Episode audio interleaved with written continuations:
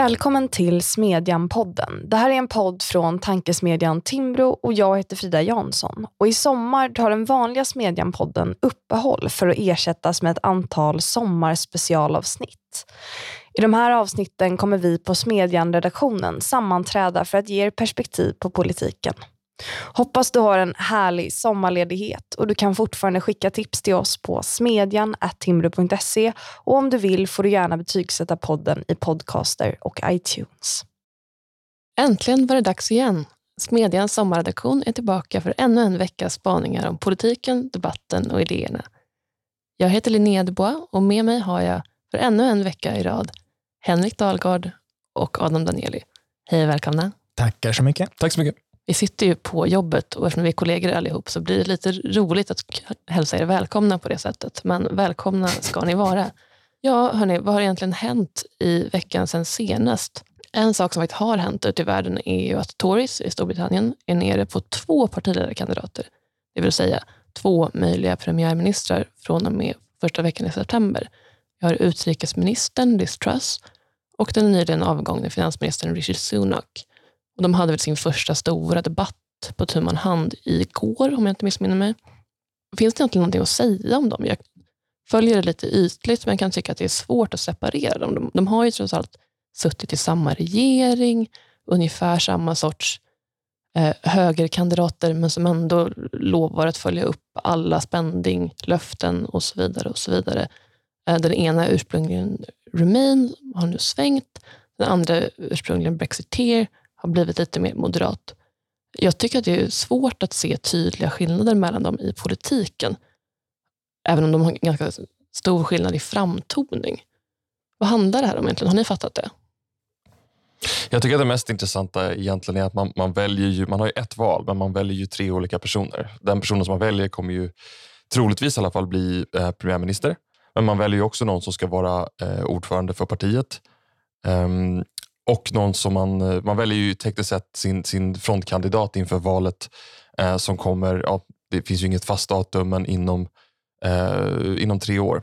Eh, så att det är ganska intressant, vad ska man fokusera på? Ska man fokusera på det, den som har gjort mest i den här regeringen och som, som kan eh, få mest ut av den här mandatperioden eller ska man tänka mer eh, mer brett vad som attraherar eh, väljarkollektivet. För då, beroende på vad man väljer så, så, finns det ju väldigt olika prioriteringar man kan göra. Ska man välja en mer en person som har större möjlighet att få igenom saker i parlamentet eller ska man välja någon som kanske går hem i, i breda väljarlager? Så det, det, är, det, det är ett val som, som i sig innehåller väldigt många andra val. Mm, men jag, jag håller väl i stort sett med om det. Eh, sen ska man ju säga att ingen av de här är ju verkligen tycker jag i alla fall utifrån det ytliga perspektivet man följer här från Sverige, att de är ju verkligen inga så kampanjpolitiker känns det som. Eh, men om man ska prata ändå lite om några politiska skillnader som man även kan uppfatta, alla fall från de tidigare så leaderships debates, som det heter där borta, eh, så är det väl att Sunak, som den tidigare liksom, eh, finansministern, han har pratat väldigt mycket om så vikten av en eh, ordnad statsbudget och hålla koll på statsfinanserna och så, medan eh, Truss har väl fokuserat lite mer på, på löften om så, skattesänkningar och, och den biten. Så där finns det väl en, en liten skillnad, eh, men rent politiskt är de ju väldigt så partistiga Tory-politiker, skulle jag säga. Det är intressant det där att det verkar bli väldigt mycket ekonomi, eh, trots att det är ett val mellan en tidigare finansminister och en utrikesminister som har lite olika eh, erfarenheter. Men just utrikespolitiken verkar det inte vara så mycket konflikt om. Britternas engagemang i Ukraina exempelvis verkar vara rätt tryggat oavsett. Eh, jag läste faktiskt en rätt spännande artikel i Financial Times häromdagen av en politikrapporter eh, Janan Ganesh med den oerhört härliga rubriken The Vibes Theory of Politics. Eh, som kort och gott gick ut på att eh, den här konflikten, eller så, eh, partiledarstriden, eh, egentligen är ett exempel på att politik ganska mycket handlar om att eh, välja en stam, eh, välja, eh, anta åsikter utifrån det, men framförallt att liksom eh, framtoning är det viktigaste i det här valet. Liksom, att, de tycker typ samma sak, men det spelar inte så stor roll. Eh, det centrala internt i partiet är att de har lite olika framtoning. Vi har liksom världsmannen med massa pengar, London, du, du, du, och så har vi men, den lite mer men, trista, stabila, regionalt förankrade Torytanten. Um, ehm, och att det påverkar de som röstar i partiet mer än de faktiska policyfrågorna. Det tyckte jag var ett rätt spännande perspektiv. Kan det vara så? Ja, det, det, kan det säkert vara. Man har ju, just det perspektivet har vi kommit upp lite i diskussionen i, i, Sverige om det här med influencers och politiker, om att de beter sig lite likartat när man är ute på sociala medier och, och så vidare. Och det har man pratat om att numera så handlar det ju mer och mer om att försöka skapa sammanhang och liksom band till sina väljare, att vara eh, relaterbar snarare än att gå ut med konkreta liksom, sakpolitiska reformer som eh, attraherar vissa människor. Så den typen av eh, bandskapande, eller hur man ska säga, tror jag absolut spelar roll. Vi får se hur det går för britterna helt enkelt. En annan valrörelse som ligger nära i tid är ju den egna. Um, vi är i sista veckan i juli. Ehm, um, affischeringsstarten har ännu inte varit, valstugorna är inte riktigt ute än. Eh, men vi närmar oss eh, sex veckors strecket så att säga. Ändå tycker jag att det typ inte känns supermycket som att det är valrörelsen. Det kanske förlåt till alla partister där ute som kampanjar och lappar brevlådor. Vi ser er i sociala medier och ni är jätteduktiga. Men liksom känslan av att samhället som stort går mot ett politiskt samtal.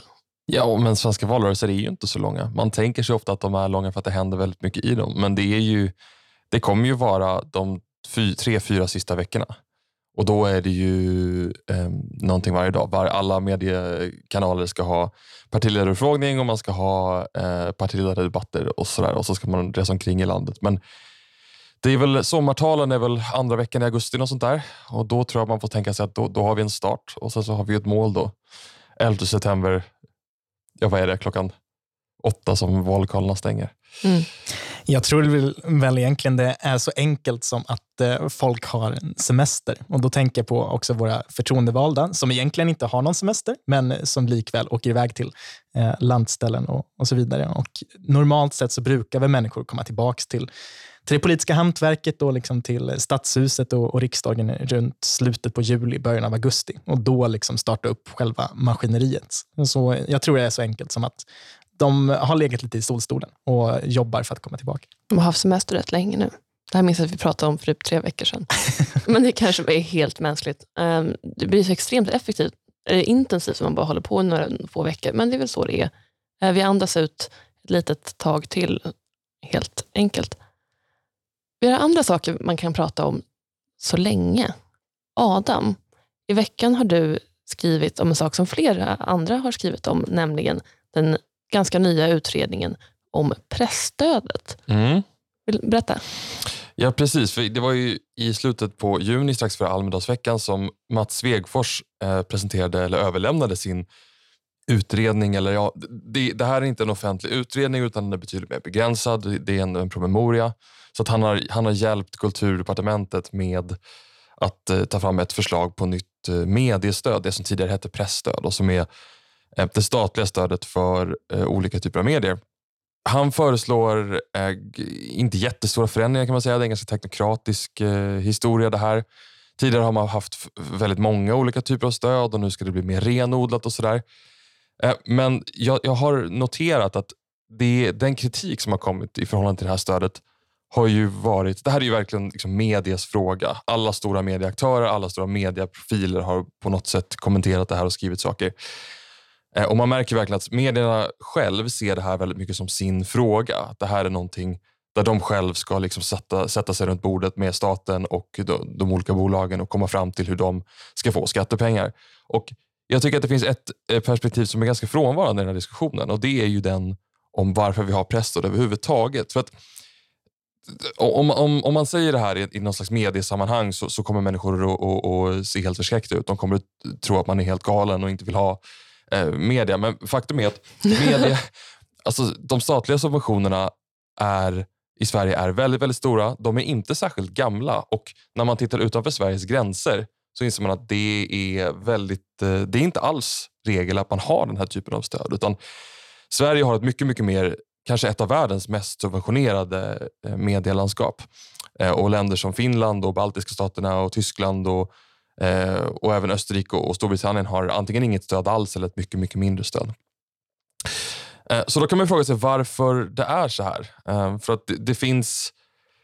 Eh, Sverige har ett ganska speciellt medieklimat på ett sätt i och med att å ena sidan, den ena hårda väggen är ju liksom public service eh, och den andra väggen är någon slags pressstöd som är beroende på hur man utformar det givetvis ger en viss typ av media. Så att vi har liksom ett, ganska, ett ganska tydligt skruvstäd där hela den, där all media befinner sig. Och jag tror att det här är någonting som man borde uppmärksamma betydligt mer och som jag tror är väldigt skadligt. Att det här stödet borde vi inte ha utan vi borde ha eh, vi borde titta på andra sätt som man kan använda för att, att eh, få en större mediemångfald. Och då är, då är det en, en nödvändig sak att uh, titta över public service till exempel. Hur mycket syre de ska tillåtas äta upp.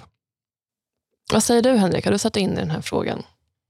Um, jo, men det har jag väl lite smått. Jag var väldigt glad över att du skrev den här artikeln Adam, för jag satt och läste den här utredningen, eller promemorian om man nu så vill, eh, i början av sommaren och kände verkligen att ja, det här är superintressant, men man får ju verkligen gråa hår av den typen av, av skrifter. Eh, som du beskriver är en otroligt teknokratisk, eh, där vissa stöd ska ersättas av andra för att motverka effekterna av de första döden som de orsakar och, och så vidare. Ehm, men som några av eh, lyssnarna vet, som har lyssnat på vår systerpodd Ideologipodden, eh, så har jag en, en litet nördintresse för svensk presshistoria. Eh, och jag tyckte det var väldigt intressant eh, när du kom in på det här med medial frihet, eller pressens frihet. För här tycker jag det inom svensk historia finns väldigt många olika synsätt på hur man har så betraktat en, en fri media. Um, för när den nya fria moderna pressen i alla fall slog igenom under 1830-talet, brukar man eh, benämna det som, eller sätta den startpunkten, så hade man en helt annan syn på mediefrihet än vad man har idag. Eh, då ville man liksom komma bort ifrån politiken. Man ville komma bort ifrån den statliga makten. Och Tidningar som Aftonbladet med Lars-Johan Lars Hjärta i, i spetsen, eh, här såg man verkligen så kommersialitet och marknaden som, som sättet att göra just det. Att man, om man skapar en kommersiell tidning som olika människor kunde finansiera, dels via donatorer, men framför allt att välja att köpa tidningen, så var man inte längre beroende av kungamakten eller adeln som tidigare hade haft en väldigt stor makt över pressen. Eh, så då ville man just bort från den politiska styrningen. Idag så har vi det så diametralt motsatta synen där så politiken ska gå in och garantera att medierna är fria genom att ge dem stöd. Eh, och man kan ju undra vad den fria pressens grundare i Sverige, Hjärta, hade sagt om den saken.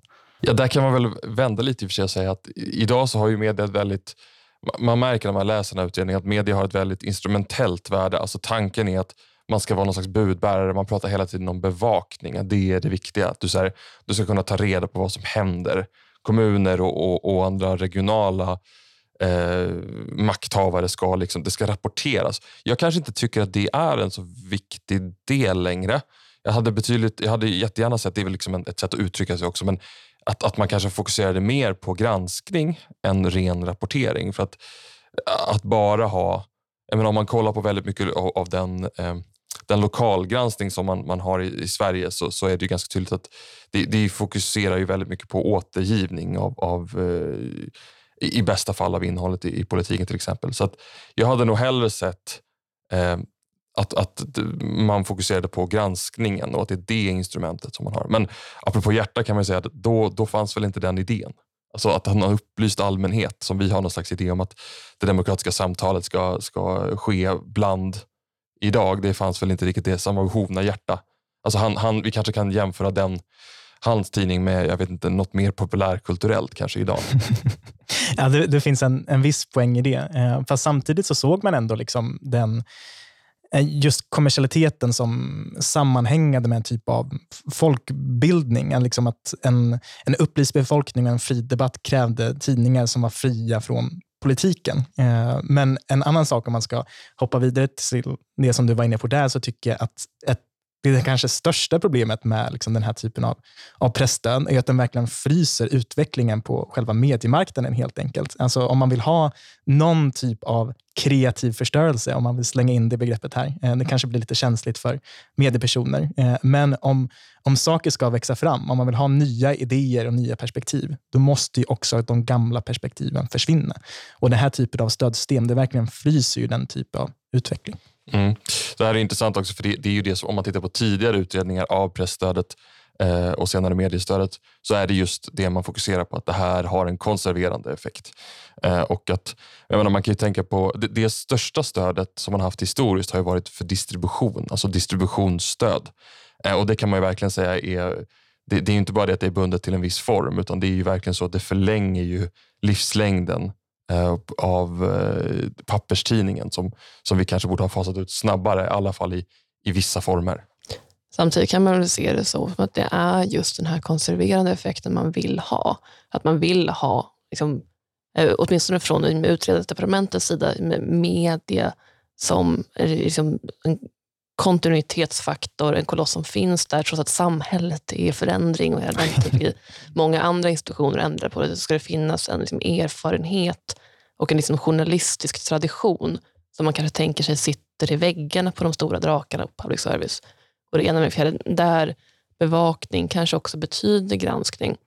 Om man får hoppa tillbaka till den punkten ehm, så är det väl också så att bevakning inte minst handlar om liksom förmågan att sålla.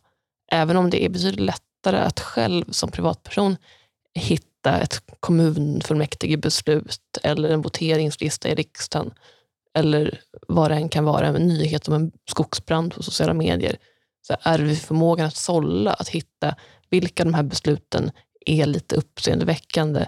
Blev någonting inte kanske lite fel här? Då glider bevakning och sållning ihop till någonting som ganska lätt närmar sig granskning. Mm. Ja, för det första, så det, det du beskriver kan ju vara en poäng med pressstöd. Att du får en kontinuitet. Då har vi i princip gjort alla tidningar till public service eh, i, någon, i, i, i högre eller Jag säger inte att det är en bra idé, jag säger att det är en idé. Ja, ja precis. Men, men eh, om man kollar på vad syftet är med pressstödet, det mm. som är, så som det är uttalat i, i princip alla tider, eh, så är det att man ska stärka konkurrensen.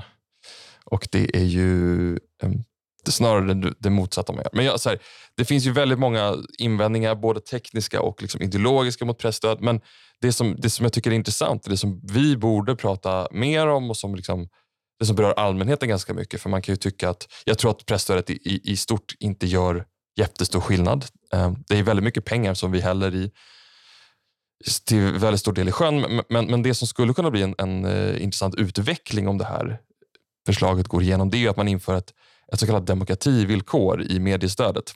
Där man säger att, mm.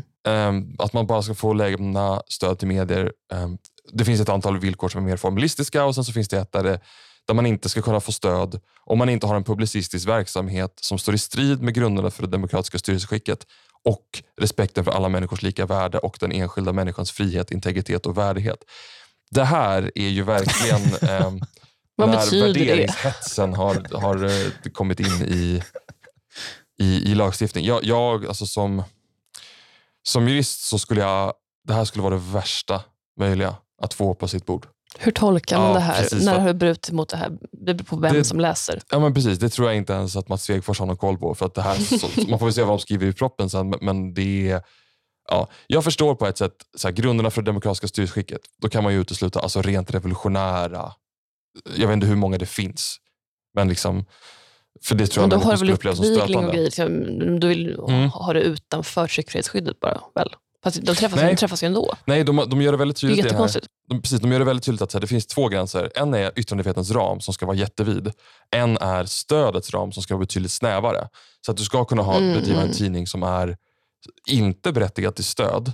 Det vill säga indirekt så säger du att du bidrar inte till pluralism, mångfald och, och demokrati, demokratisk debatt. Men du ska samtidigt få säga det. Jag vet inte riktigt hur, hur de har tänkt här och det, motiveringen är väldigt sparsmakad. Eh, det här stödet är igenom, det är väldigt hastigt. Alltså, det, det, det, anledningen till att man lämnar den här promemorian är för att det, det, gamla stödet går ut. Man har helt enkelt inte speciellt mycket tid på sig eh, innan, innan eh, man står utan stöd. Vilket ju vore bättre i längden, men, men därför har man liksom hastat igenom det här. Och Faktum är att den här typen av värderingskrav försökte man införa redan 2018. Eh, men det blev så nedsablat av, av remissinstanserna att regeringen eh, drog tillbaka det förslaget om man skulle införa ett sånt här krav för pressstödet. Men nu, nu är vi där igen. Nu är vi där igen och vi får väl se hur proppen ser ut. Um, på längre sikt kanske man kan tänka sig en genuint fri press där man vågar lita på att medborgarna klarar av att ur egen ficka finansiera sunda institutioner ehm, men eh, rädslan för att den typen av liksom, transaktioner leder till vinstpressen som bara pumpar ut annonser och lättsmälta grejer kommer väl kanske inte undan från politiskt håll ännu. Nej, det där är ju en intressant kritik. Att det är just det lättsmälta, det tror jag binder ihop hjärta och idag. För att man är väldigt, väldigt rädd för att det ska vara lättsmälta budskap. Alltså. Det är jo, men... liksom oerhört farligt att människor skulle kunna ta till sig av någonting annat som, som inte har gått igenom. Samtidigt som man ser att eh, de typer av texter som har högst konverteringsgrad, som man pratar om på tidningarna, alltså, den typen av artikel bakom betalvägg som folk så gärna vill läsa, att de börjar betala för att komma in, är just de djupare analyserna mm. och de längre, mer omfattande reportagen. Det är det folk är beredda att betala för och inte lättsmälta. Jo, men verkligen. Och om man ska slå ett eh, tillslag mot den här utredningen så tycker jag att man kan dra lite paralleller mot hur den så gamla reaktionära konservativa pressen lät på Hjärtas tid. För det var exakt samma tongångar då. Eh, då var man rädd att den här kommersen och pöbelpressen, som man sa att eh, Aftonbladet och bland annat Argus och, och Fäderlandet utgjorde, skulle så leda till eh, ytliga topp 10-listor om man ska översätta till dagens språkbruk. Att det, det, skulle leda till litteraturens död, för människor ska bara läsa tidningar. Och, och så vidare. Men som du är inne på Linnea, så finns det en enorm efterfrågan på nyanserat och långt material. Och om man tittar på hela den nya medieutvecklingen med Substack och så vidare, så, är, så finns det ju infrastruktur för det där också. Mm. Och influencerintervjuer. Det är lite märkligt att det är just kvällstidningar som verkar ha... De, de har ett... Eh, det, det, är intressant, det är lite tvegat det där svärdet. Man kan å ena sidan vara väldigt kritisk från framförallt kvällstidningshåll eh, och väldigt många av de publicisterna mot att det blir alldeles för glättigt. Och samtidigt så är man då själv en kvällstidning. Jag vet inte, det känns lite märkligt att de helt plötsligt har kommit in i finrummet och så börjar de stänga då ute de som de själva var för 70 år sedan eller vad det var när Expressen bildades. Det, det, det är liksom, när man har upphöjts till så publicistisk, publicistisk, eh, publicistiskt högdjur, då är man väldigt mån om att stänga liksom alla former av eh, eh, nya röster ute. Den onda elitens gatekeeping-konspiration kanske? Ja, men precis. Det är den vi företräder här. Apropå onda eliter och konspirationer.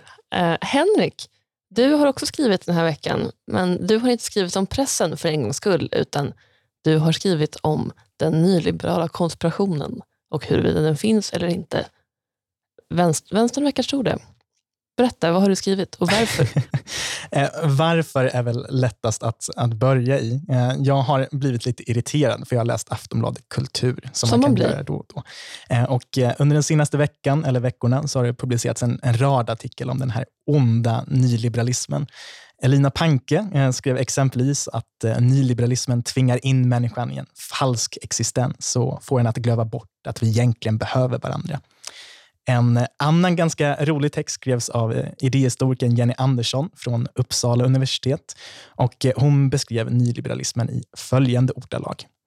Nyliberalismen är som monstret i Stranger Things. Den styr världsalltet, visst, men när den dör blir också en liten bit kvar i någons inre. Matat av våra trauman och vår längtan efter kärlek. Och eh, jag har tänkt ganska länge på att eh, nyliberala kritiker ofta låter så här. Eh, de låter lite som konspirationsteoretiker. För nyliberala idéer beskrivs oftast ligga till grund för globala eliters intressen, som du var inne på förut, Linnea.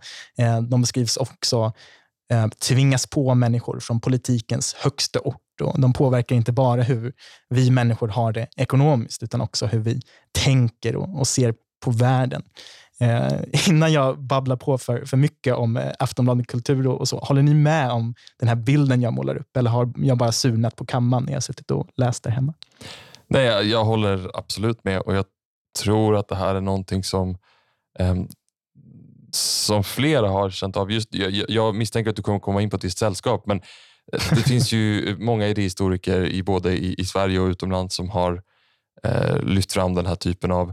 Liksom, det finns en vilja och, och, och nu, Jenny Andersson driver ju ett projekt.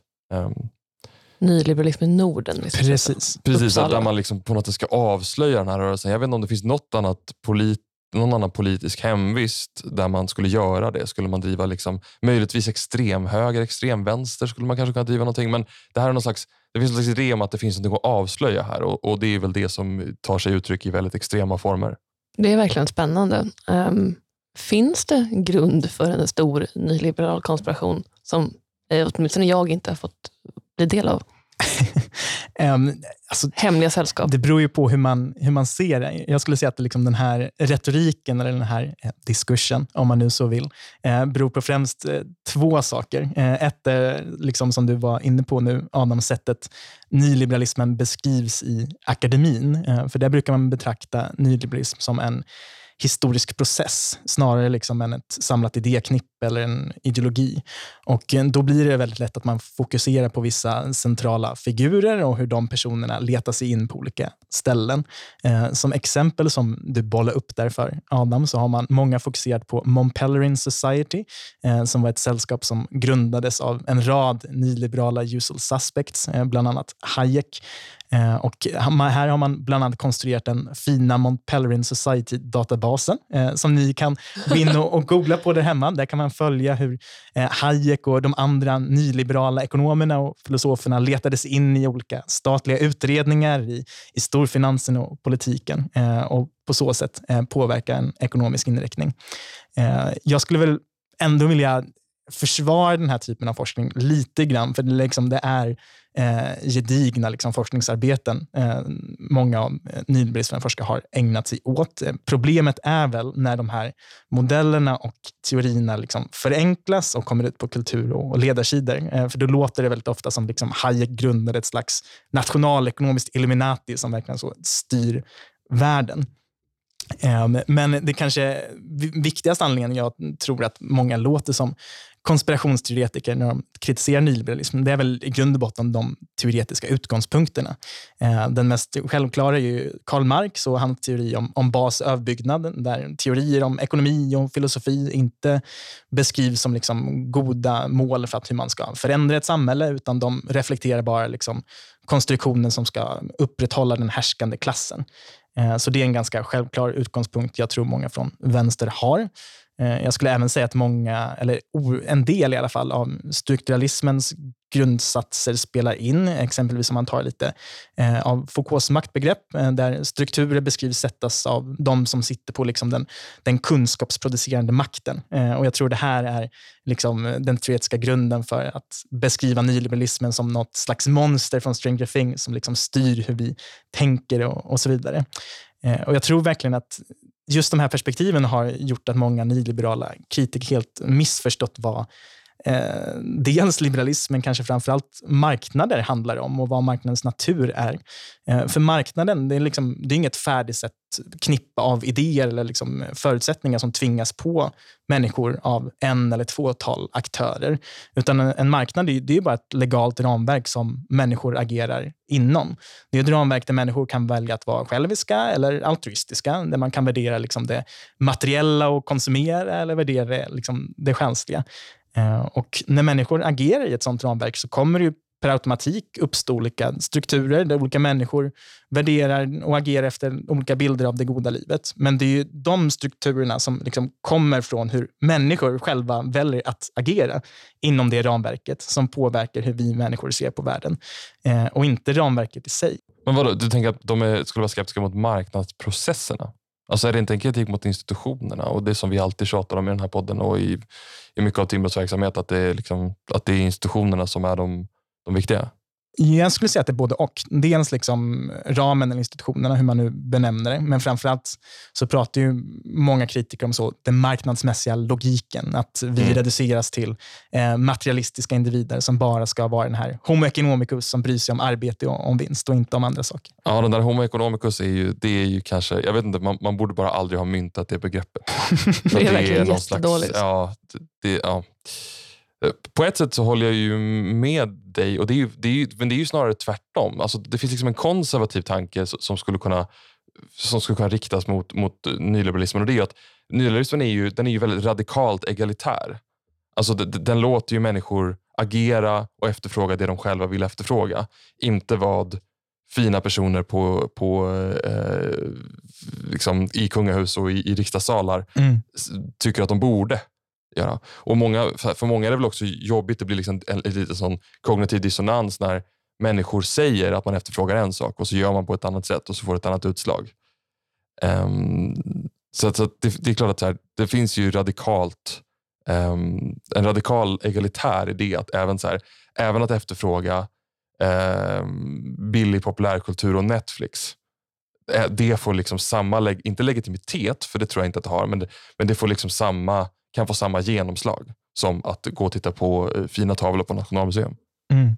Jo men eh, verkligen, kan ju bara eh, kan ju bara hålla med där och tycker jag är ganska intressant att se att de som sitter i liksom storfinansen eller medieeliten som vi nyss diskuterade, det de är egentligen rädda för, det är ju riktig konkurrens. De är livrädda för andra perspektiv på medier, för de kommer att bli utkonkurrerade. Storföretagen är ju de som kanske lobbar mest för olika typer av regleringar, för de vet att de slår ut de mindre företagen som är de framtida konkurrenterna.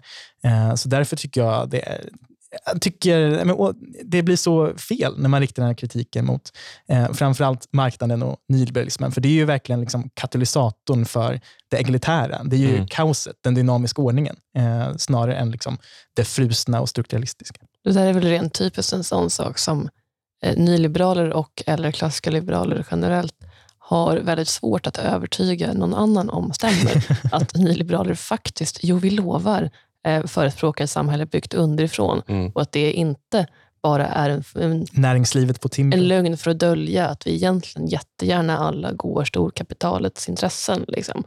Um, och Det hänger ikapp med det här som hänger, ikapp med, hänger ihop med det du var inne på i början, Henrik, om liksom, överbyggnad och liksom, omyndigförklarandet av alla som inte sitter på liksom, mer ekonomisk makt. Att ha genuina intressen, eh, formulera genuin efterfrågan eller genuina begär. Så allting sånt går att tvätta bort och att, att komma i kontakt med idéer är att bli hjärntvättad mm. bara för att du inte sitter på ekonomiska medel. Det är en rätt märklig människosyn. Mm. Um, på ett sätt tycker jag att man kan säga att de ju har rätt. Du nämnde Foucault och liksom tanken med, med, att det finns ett visst sätt att tänka och tycka och uppleva saker som naturligt.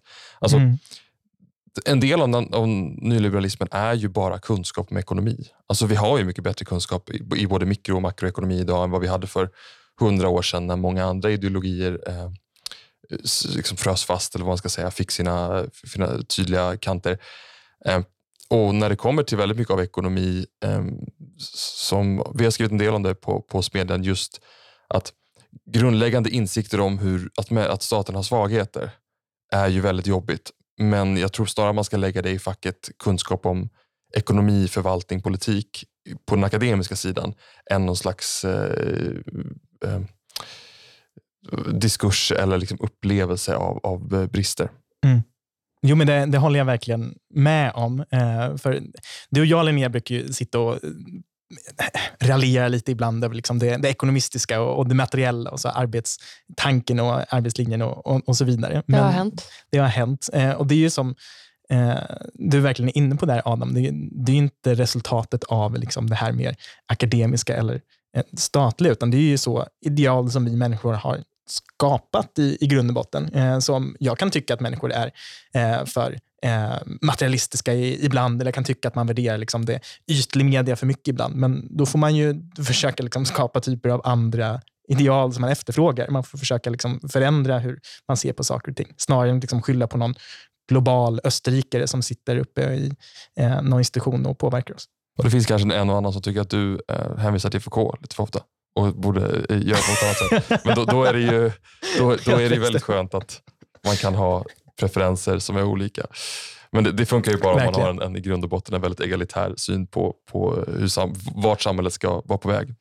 Och om man ska hänvisa till Foucault igen, vilket jag gillar att göra, eh, så kan man säga att hans, eh, i hans föreläsningar om just nyliberalismen så blev han lite mer positivt inställd till det här fenomenet.